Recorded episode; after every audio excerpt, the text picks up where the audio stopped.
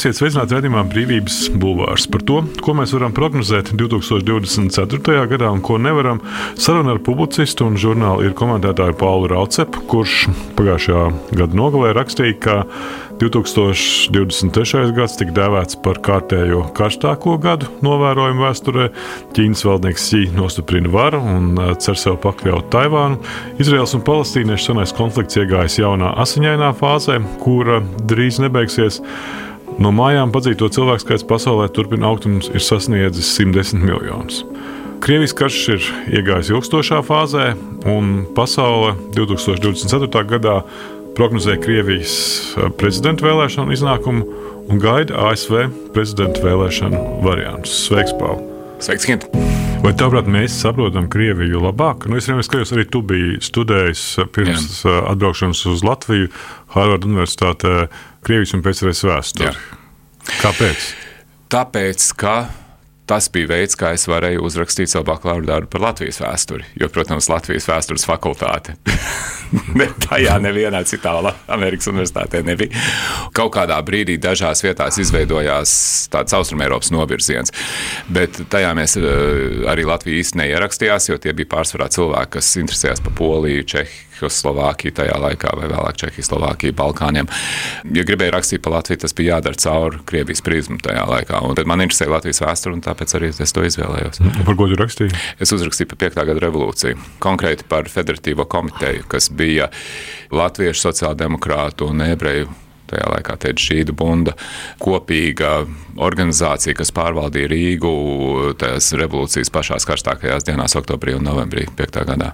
Kāpēc tas man interesē? Tāpēc, ka pirmkārt man likās, ka 5. gads kopumā Latvijas, te, nu, tajā tradicionālā Latvijas vēstures stāstījumā, ko arī mēs mācījāmies trimdas skolās, īstenībā tam nebija pievērsta atbilstošā uzmanība. 5. gadam bija ļoti liela nozīme latviešu pašapziņas nostiprināšanā. Tas būtu viens, un tas otrs ir, ka bija pieejami dokumenti tieši nu, caur Bundu, jo Bunda arhīvs bija Ņujorkā. Vēl aizvien es pieņemu, ka ir Ņujorkā, uh, kur bija ļoti daudz materiāla par to, kas notika Latvijā tajā laikā, kurus neviens ne, līdz tam nebija skatījis. Tā kā man bija iespēja arī ar to iepazīties. Pēdējā laikā salīdzinām gan uh, šī brīža Ameriku ar uh, Reiganu Ameriku, domājot par republikāņiem mm -hmm. un to, ko viņi dara, gan arī to, kādā veidā interese par Krieviju vai Padomju Savienību bija augstāka kara laikā. Mm -hmm kurā arī tu mācījies, mm. nu, mhm. kad jau tas gan bija pārmaiņu laiks, bet tomēr.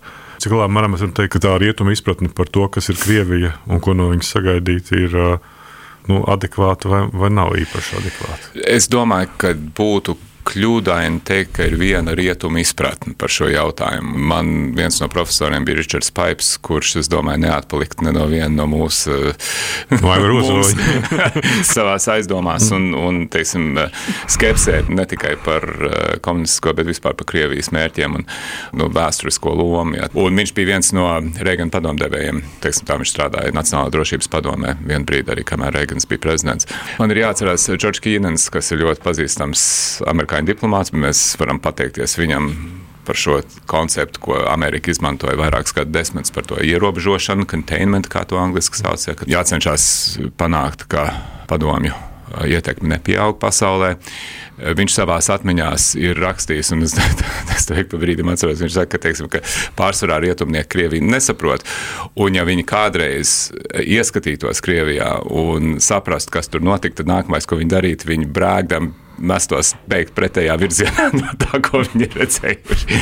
Kīnans varētu teikt, ka diezgan labi no liekas, saprot Krieviju. Tā, ka, nu, kaut vai paskatāmies uz to, kas tagad notiek Ukrainā, pilnīgi ciniskā nevērība pret pašu cilvēku dzīvību, ko mēs redzam Krievijas eh, taktikā uzbrukumos Ukrajinā. Nu, rietumiem var daudz ko pārnest, bet teiksim, šāda veida lielgabalu gaļas izmantošana karā nav bijusi rietumiem raksturīga. Pirmā pasaules karā varbūt, un es domāju, tas atstāja tik dziļas rādes, ka, teiksim, neviens nav īsti gatavs tā vairs darīt. Un, teiksim, tas, domāju, daudziem cilvēkiem, viņi varbūt viņi to intelektuāli redz, bet emocionāli viņi to īsti nevar saprast. Pols Rācaps ir viens no Latvijas vadošajiem žurnālistiem un komentētājiem. Pēc 19 laikrakstā dienu nostrādātiem gadiem, 2010. gadā ar bijušajiem dienas kolēģiem izveidoja žurnālu ir. Viņš raksta par plašu tēmu loku, tā skaitā ekonomiku, politiku, starptautiskajām attiecībām, vēsturi un kultūru. Pols Rauceps ir beidzis Hārvarda Universitāti ar bakalaura grādu Krievu un Padomju studijās. 90. gadā pārcēlās uz Rīgu, lai strādātu tautas frontē. Tur viņam arī ar dombrīdiem radās ideja, ka Latvijai nepieciešama rietumu tipa avīze, un rezultātā 90. gada novembrī sāk iznākt laikraksts Diena. Līdz 2000. gadam Pols Rauceps dienā atbildēja par ziņu bloku, bet pēc 2001. gada par komentāru lapusi. Pēc Ukraiņas atkarības vairāk kā 300 tūkstoši laikam bija nogalināto Krievijas karavīru šajā karā. Vai šis skaitlis vispār nerezonē Krievijas sabiedrībā? Vai? Kā tev atbildēja, es domāju, ka mēs redzam vēsturē bieži vien viņi ir gatavi pieņemt to, ka valsts viņus izmanto un pazemo daudz lielākā mērā nekā daudzās citās sabiedrībās. Ja paskatās arī Svetlāns Aleksēvičs grāmatā Time Frame Second Hand. Jā. Es to grāmatu uzsāku lasīt pēc tam, kad jau bija sācies pilnvērtīgs uzbrukums Ukrajinā. Un tas ievads tajā grāmatā, kurš ir rakstīts ja nemaldos, 12. vai 13. gadā. Viņa raksta par to, ka mēs, runājot par postpadomu cilvēkiem tajā Krievijas kultūras telpā, ka mēs pēc būtības pēc kara nevaram iztikt. Jā, teiks, nu, mēs esam audzināti tā, ka viss mūsu skats uz dzīvi un to, kāpēc sabiedrība eksistē un kas ir valsts mērķis, ir saistīts ar karu. Tas ir viens aspekts, kas ļoti nopietni rezonē Krievijas sabiedrībā noteikti. Un tas otrs tajā grāmatā viņa apraksta gadījumu ar vienu tajā laikā jau vecu vīru, kurš bija padomju armijā iesaistīts Ziemas karā. Somija viņu saņēma gūstā. Es tagad nesaprotu, vai viņš pats tās, ja, ja meita pārstāst viņa tās atmiņas, bet par to, ka pirmkārt viņš bija pārsteigts un šokēts par to, kā Somija pret viņu izturējās, ka viņi cilvēcīgi pret viņu izturējās, un tad, kad notika gūstekņu apmaiņa pēc kara, Viņš atcerās, kā Somi ar gabaliem sagaidīja visus savējos, kas atnā, atgriezās un priecājās par to, kamēr visi tie, kas atgriezās padomu pusē, protams, pirmā, pirmais solis bija, jūs esat nodevēji, kāpēc jūs kritat gūstā, un viņi tika visi aizsūtīti uz nometnēm. Un tā vai tā, viņš mūža beigās vienkārši tā noliec galvu un to tā kā pieņem kā tādu nolemtību, ka tur jau neko nevar darīt. Un tā varbūt arī pat bija pareizi. Viņš kaut kādā veidā sevi pārliecinājis. Man liekas, interesanti arī, ka mēs šajā laikā, kad Ukraiņas kara kontekstā apšaubām un arī diskutējam par daudzām ar padomju un Krievijas impērijas saistītām lietām, pārsvarā gan par padomju dziniekiem un viņu kolaborāciju un lomu mm -hmm, bieži jā. runājam. Tu izvirzīji arī nesen tēzi runāt par Krišānu Valdemāru. Jā. Bija Kas ir daudz, jau mēs ejam jau atpakaļ daudz senākā kontekstā, mm. lai izvērtētu šo izpratni par eh, Krievijas impēriju un Latvijas pašnoteikšanos. Jā, tas vispār ir interesants jautājums par Valdemāru. Jo no vienas puses, tas domāju, bija vispār zināms, kā fakts, bet nu, nu, kaut kā mums patīk par to nerunāt. jā, nu, ja kā, ir viss, kas jāizdara, jāizlasa šķirklis par viņu nacionālā encyklopēdijā, kas visiem ir pieejams internetā, un tur tas viss ir skaidri pateikts. Viens ir skaidrs, ka ierastā izpratne par vēsturi vienmēr mēdz būt diezgan plakana un arī zināmā mērā mitoloģizēta. Tas pat nav nepareizi. Mums ir jābūt kaut kādiem ideāliem, kaut kādiem noteikti varoņiem un sapratnē, kas mēs esam bijuši un kas mēs vēlamies būt. Un Krišāns Valdemārs noteikti, es domāju, ka viņa nopelni latviešu modernizācijā un latviešu pašapziņas celšanā ir neapšaubām. Tur es domāju, ka tur neviens nevarētu neko iebilst. Tas, es domāju, ka ir pilnīgi pareizi, ka viņa vārdā ir nosaukt iela Rīgā. Jo teiksim, tas, ko viņš panāca kaut vai tas, ka viņš bija eh, Pēterburgas avīžu izdevējs ja, un panāca šī laikraksta iznākšana, kas bija grūdienis, kas eh, pēc būtības uzsāka pirmo atmodu un uh, latviešu noformēšanos kā politisku nāciju, ar to vien pietikt. Ja, un, protams, viņš arī daudz ko citu darīja. Bet viņa politiskie uzskati un arī eh, tā izpratne par to, ar ko latviešiem būtu jādraudzējās, lai aizstāvētu savas intereses. Jāsaka, viņ, arī viņš nebija vienīgais. Jā. Andrejs Punkurs arī diezgan līdzīgi domāja, ka vismaz teiksim, vienu brīdi viņ, viņam ir dzējoļi par to.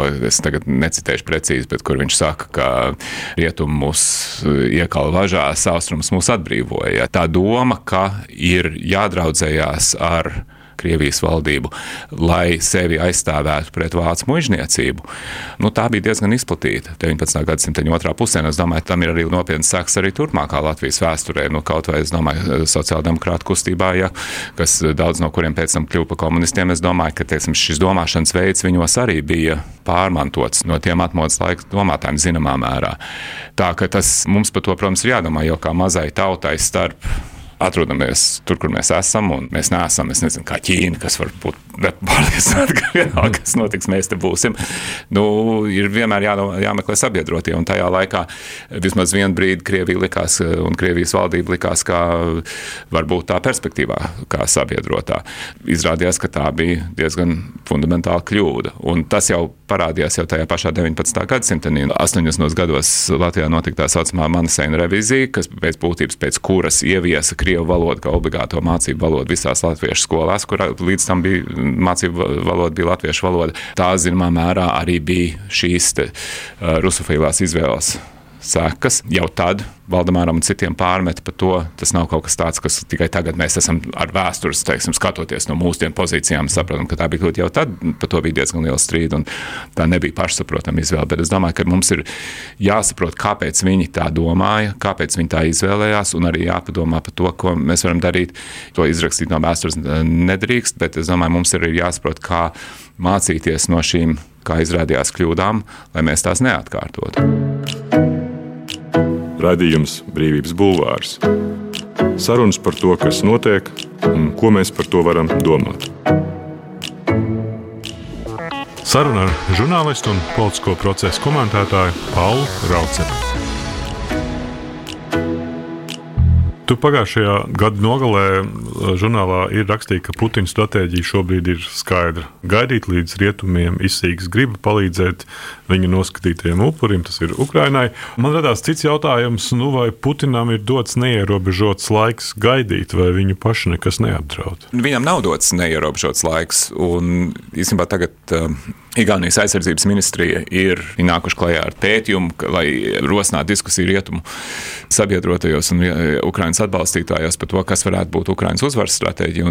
Viņa tas viens no galvenajiem mērķiem ir pateikt, ka Putinam nav neierobežots laiks, mums ir jādod Ukraiņai līdzekļi, lai viņi izturētu nākamo gadu lai aiznākamajā gadā, kad Putins būs tiešām sācis izsmelt visas savas cilvēku rezerves un arī materiālās rezerves, lai tad Ukraina var izmantot šo brīdi un pāriet pretuzbrukumā. Tad nākamais gads ir jāiztur, 25. gads ir tas gads, kad varētu notikt lūzums Ukrainai par labu. Tā kā Putinam nav neierobežots laiks, bet es domāju, ka viņš tic, ka Trumps, ja viņš cer, ka Trumps tiks ievēlēts, ja Trumps tiks ievēlēts, tas būs ārkārtīgs trieciens gan uh, tai vienotai frontei Ukrainas jautājumā, tur noteikti Amerikas atbalsts atbalsts. Jau tagad mēs redzam, kā republikāņi kavē atbalstu sniegšanu Ukrainai. Nu, tad es domāju, ka tas Amerikas atbalsts vispār varētu izsīkt.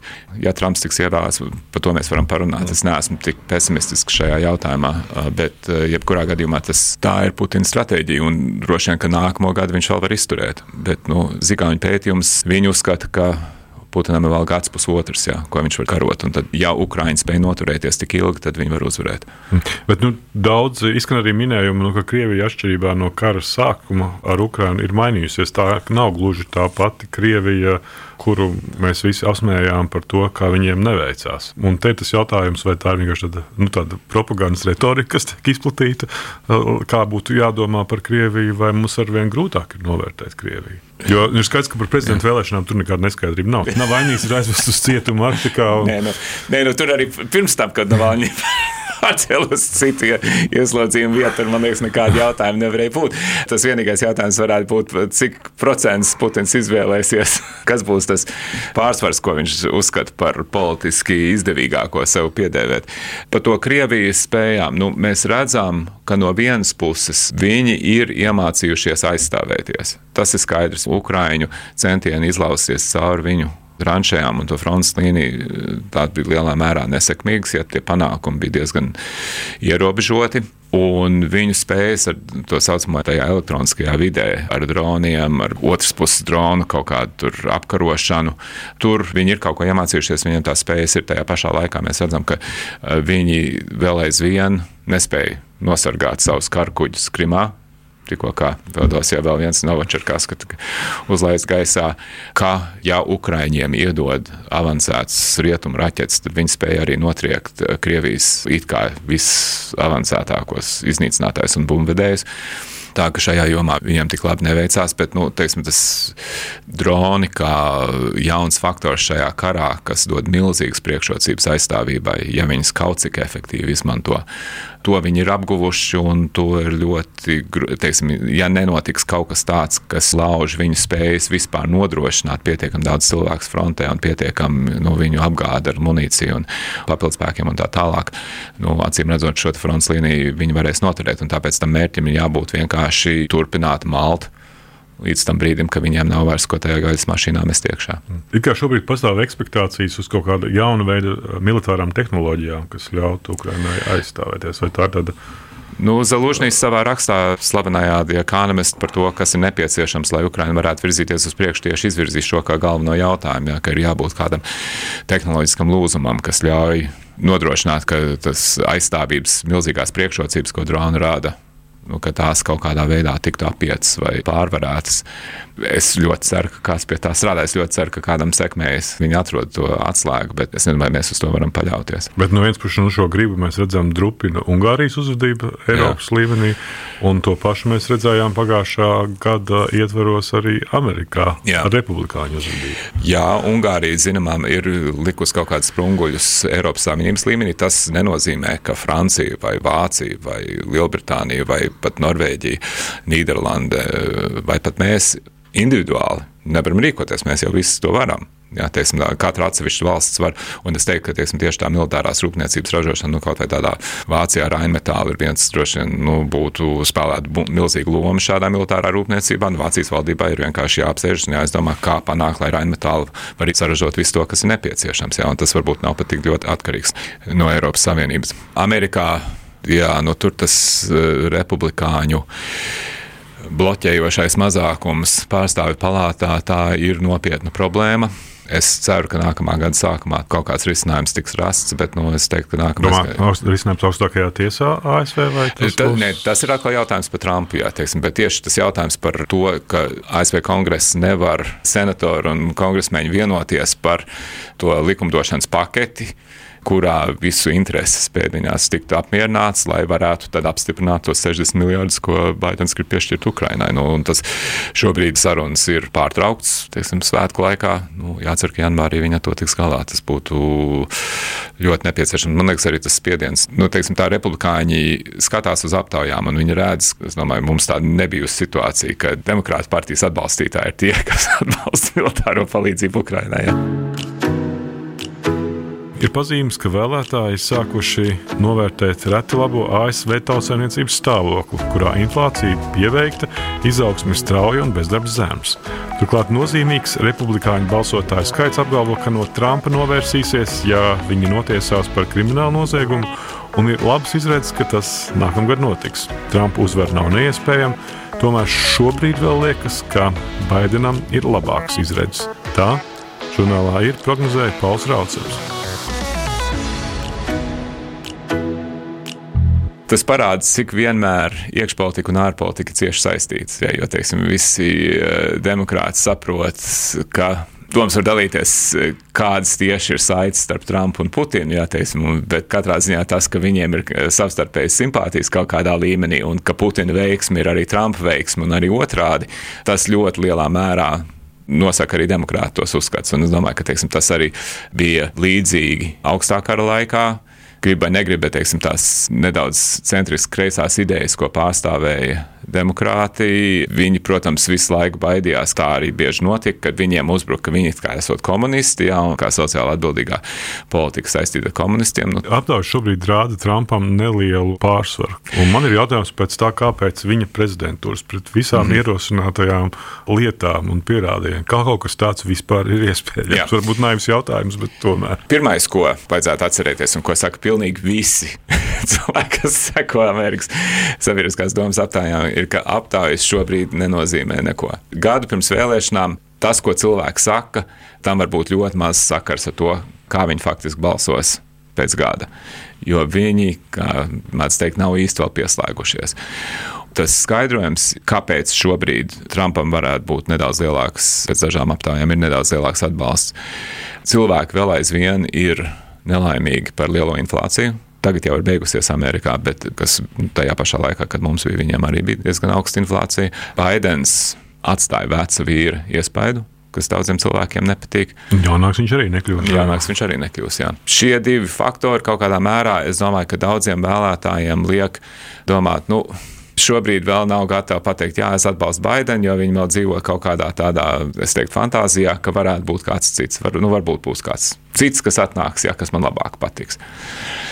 Tur jau tā lieta ir, ka šobrīd tā izvēle. Nu, cits var atnākt tikai Trumpa vietā. Jā, ja viņu ja augstākā tiesa nolems, ka viņš nedrīkst kandidēt. Baidena vietā ir ļoti grūti iedomāties, ka kāds cits varētu atnākt. Baidenam veselība saglabājās, jo vienkārši ir praktiski neiespējami partijai nomainīt kā kandidātu cilvēku, kas tajā brīdī ir prezidents. Ja viņš saka, ka viņš grib kandidēt, tā būtu pilnīgi politiska pašnāvība kādam citam teikt, nē, nē, nē, es tavā vietā, es tevi gribu nomainīt. Un es domāju, ka tas arī pašai demokrātu partijai būtu ļoti kaitīgs lēmums, jo kas notiktu būtu, ka nākamie 6, 8 mēneši paietu savstarpējās cīņās, ļoti nepatīkamās, kas novājinātu partiju. Beigās droši vien tas pats Baidens tā vai tā tikt nominēts, bet viņš būtu vēl vājākā pozīcijā nekā viņš uh, būtu, ja viņš visu šo laiku var izmantot vienkārši gatavoties pašām vēlēšanām.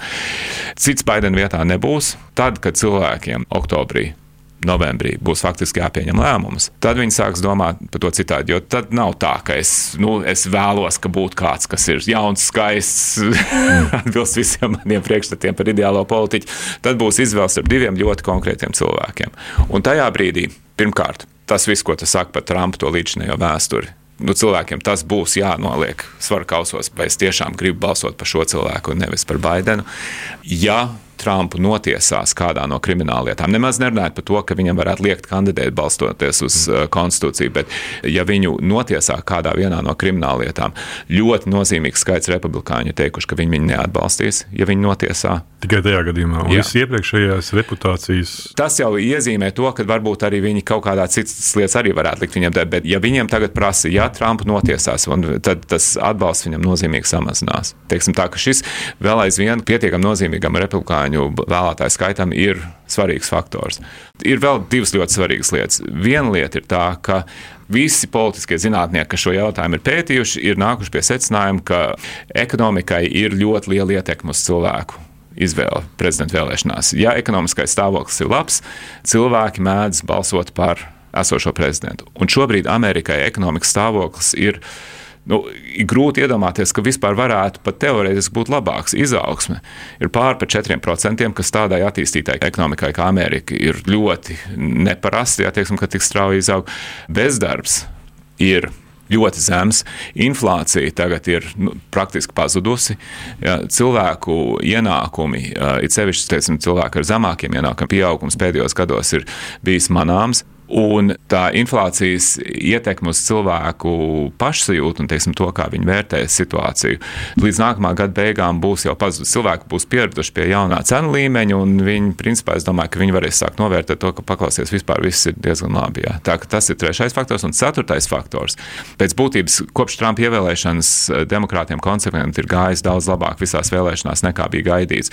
Un tagad ir nācis klāt vēl viens faktors, kas ir augstākās tiesas lēmums, kas pēc būtības atcēla konstitucionālās tiesības uz abortiem, kas nozīmē, ka daudzos štatos jau tagad tiek pieņemti likumi, kas vai nu pilnībā aizliedz, vai tikpat kā aizliedz abortus.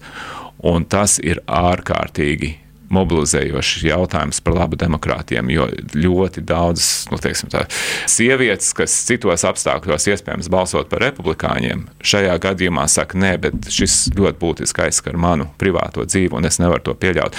Un tā lieta ir tāda, ka republikāņu partija, tas pats Džonsons, kas tagad tika ievēlēts par pārstāvju palātas spīkeru, viņš ir par abortu aizliegumu visā Amerikā pilnīgu abortu aizliegumu visā Amerikā.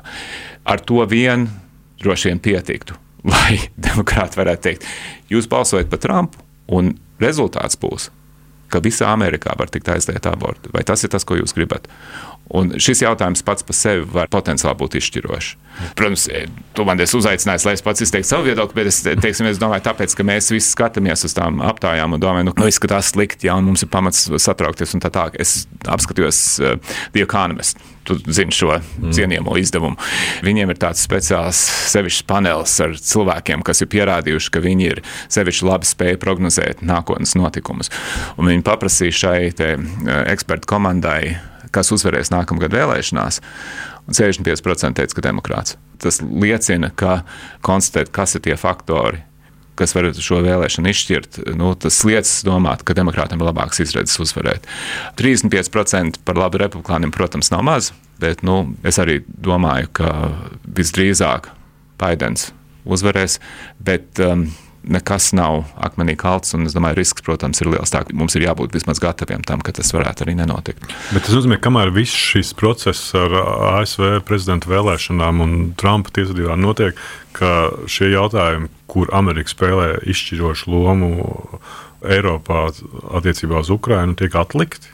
Amerikā ir ļoti liela un sazarota valdība, un daudz kas var notikt. Teiksim, Neatkarīgi no tā, uh, kas notiek kongresā vai pat Baltijā namā. Un vienkārši tāpēc, ka Trumpam tas jautājums Viņš par to neinteresējās, un tad Pentagons varēja turpināt strādāt, pat kamēr viņš bija prezidents. ASV militārais atbalsts arī mums Trumpa administrācijas laikā turpinājās vienkārši tāpēc, ka Trumps tam nepievērs nekādu uzmanību. Un tad vienkārši nu, ģenerāļi turpināja darīt savu darbu, un viss tā kā bija ok. Es domāju, ka ja viņu atkal ievēlētu, tā tas nebūtu. Republikāņi šobrīd cenšas iedzīt Baidena stūrī, piespiežot viņu piekrist eh, tādai imigrācijas politikai, kas savukārt atsvešinātu kaut kādu daļu no demokrātu balsotājiem, un kamēr tur nebūs atrasts kaut kāds kompromiss, tas atbalsts Ukraiņai kļūs par ķīlnieku šajā cīņā.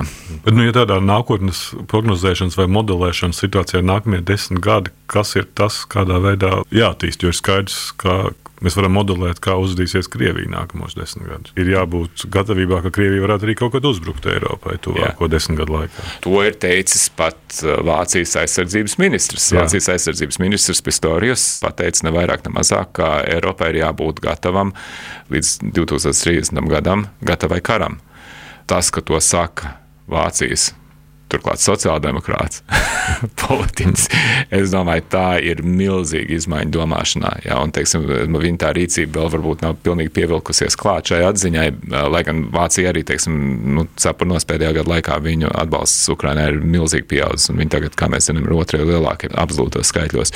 Teiksim, tas, ka mums ir jābūt gataviem tam, ka Krievija kaut kādā brīdī varētu atgūties un atkal kļūt par nopietnu draudu, tas ir vairāk mūsu pašu mājas darbs nekā kaut kas, kas ir saistīts ar Ukrainu. Vai tu arī redzi, ka Krievija nu, varētu desmit gadu laikā nu, pārorientēties un tad uzbrukt Baltijas valstīm, kā daži prognozē? Tas, um, ka Baltija ir tāds viņu ilgtermiņa mērķis. Nē, nu, ja mēs izlasām, ko Kremlis prasīja 21. gada decembrī savā tajā slavenajā dokumentā, ko viņi izplatīja, ka, teiksim, nu, kas apmēram būtu pamats sarunām ar ASV par jaunu pasaules kārtību. Tad viņi grib atjaunot padomju impēriju līdz pat uh, zinu, Vācijas robežām, ja ne pat tālāk. Ja viņi prasa izvākt visus NATO spēkus, nu, kas ir kaut kur ievest kopš 97. gada. Ja, nu, viņa ambīcijām nav tādā ziņā robeža. Ja, teiksim, Putins man liekas pats ir teicis, ka Krievijai robeža nav. Ja, tā, viņi paņems, ko viņi var. Tur, man liekas, mums nevar būt ilūzijas. Tas, tas vienīgais jautājums ir uh, par spējām. Tur mums ir ļoti nopietni jāstrādā. Pirmkārt, lai viņu spējas būtu mazākas, un otrkārt, lai viņi neuzskatītu to par um, tā riska vērtu. Jo man liekas, ka teiksim, tas, ja Trumps kļūtu par prezidentu, varbūt, nezinu, tur, uh, lai gan viņš arī diezgan neparedzējams, bet es domāju, ka teiksim, mēs bieži runājam par Putina sarkanām līnijām. Es domāju, Putinam ir viena sarkanā līnija. Viņš grib dzīvot. Viņš negrib mirt. Jebkurš uzbrukums katrā ziņā šobrīd NATO valstī. Pat ja tu domā, ka nu, ir tikai 10% iespēja, ka tas varētu novest pie kodolkara. Nu, tas tomēr ir. Es domāju, ka šobrīd, uh, paldies Dievam, ka mēs esam NATO. Paldies Dievam, ka mēs izdarījām visu tajā iespēju logā, kas mums tika dots, lai iestātos NATO, jo tas šobrīd mūs ļoti pasargā. Skaidrs. Paldies! Bija Pauls Rauceps, žurnāla ir komentētājs, žurnālists. Mans vārds Kings Grūba, radījums Brīvības Bulvārs, radījumu montēja Nora Mitspapa un ierakstīja Tomšits. Paldies! Paldies, Kent! Brīvība ir brīvība, nevienlīdzība vai taisnīgums, vai kultūra vai cilvēks laime. Tā teica Iesai Berlīns. Sarunas ar brīvas apziņas un ideju cilvēkiem - radījumā Brīvības Bulvārs.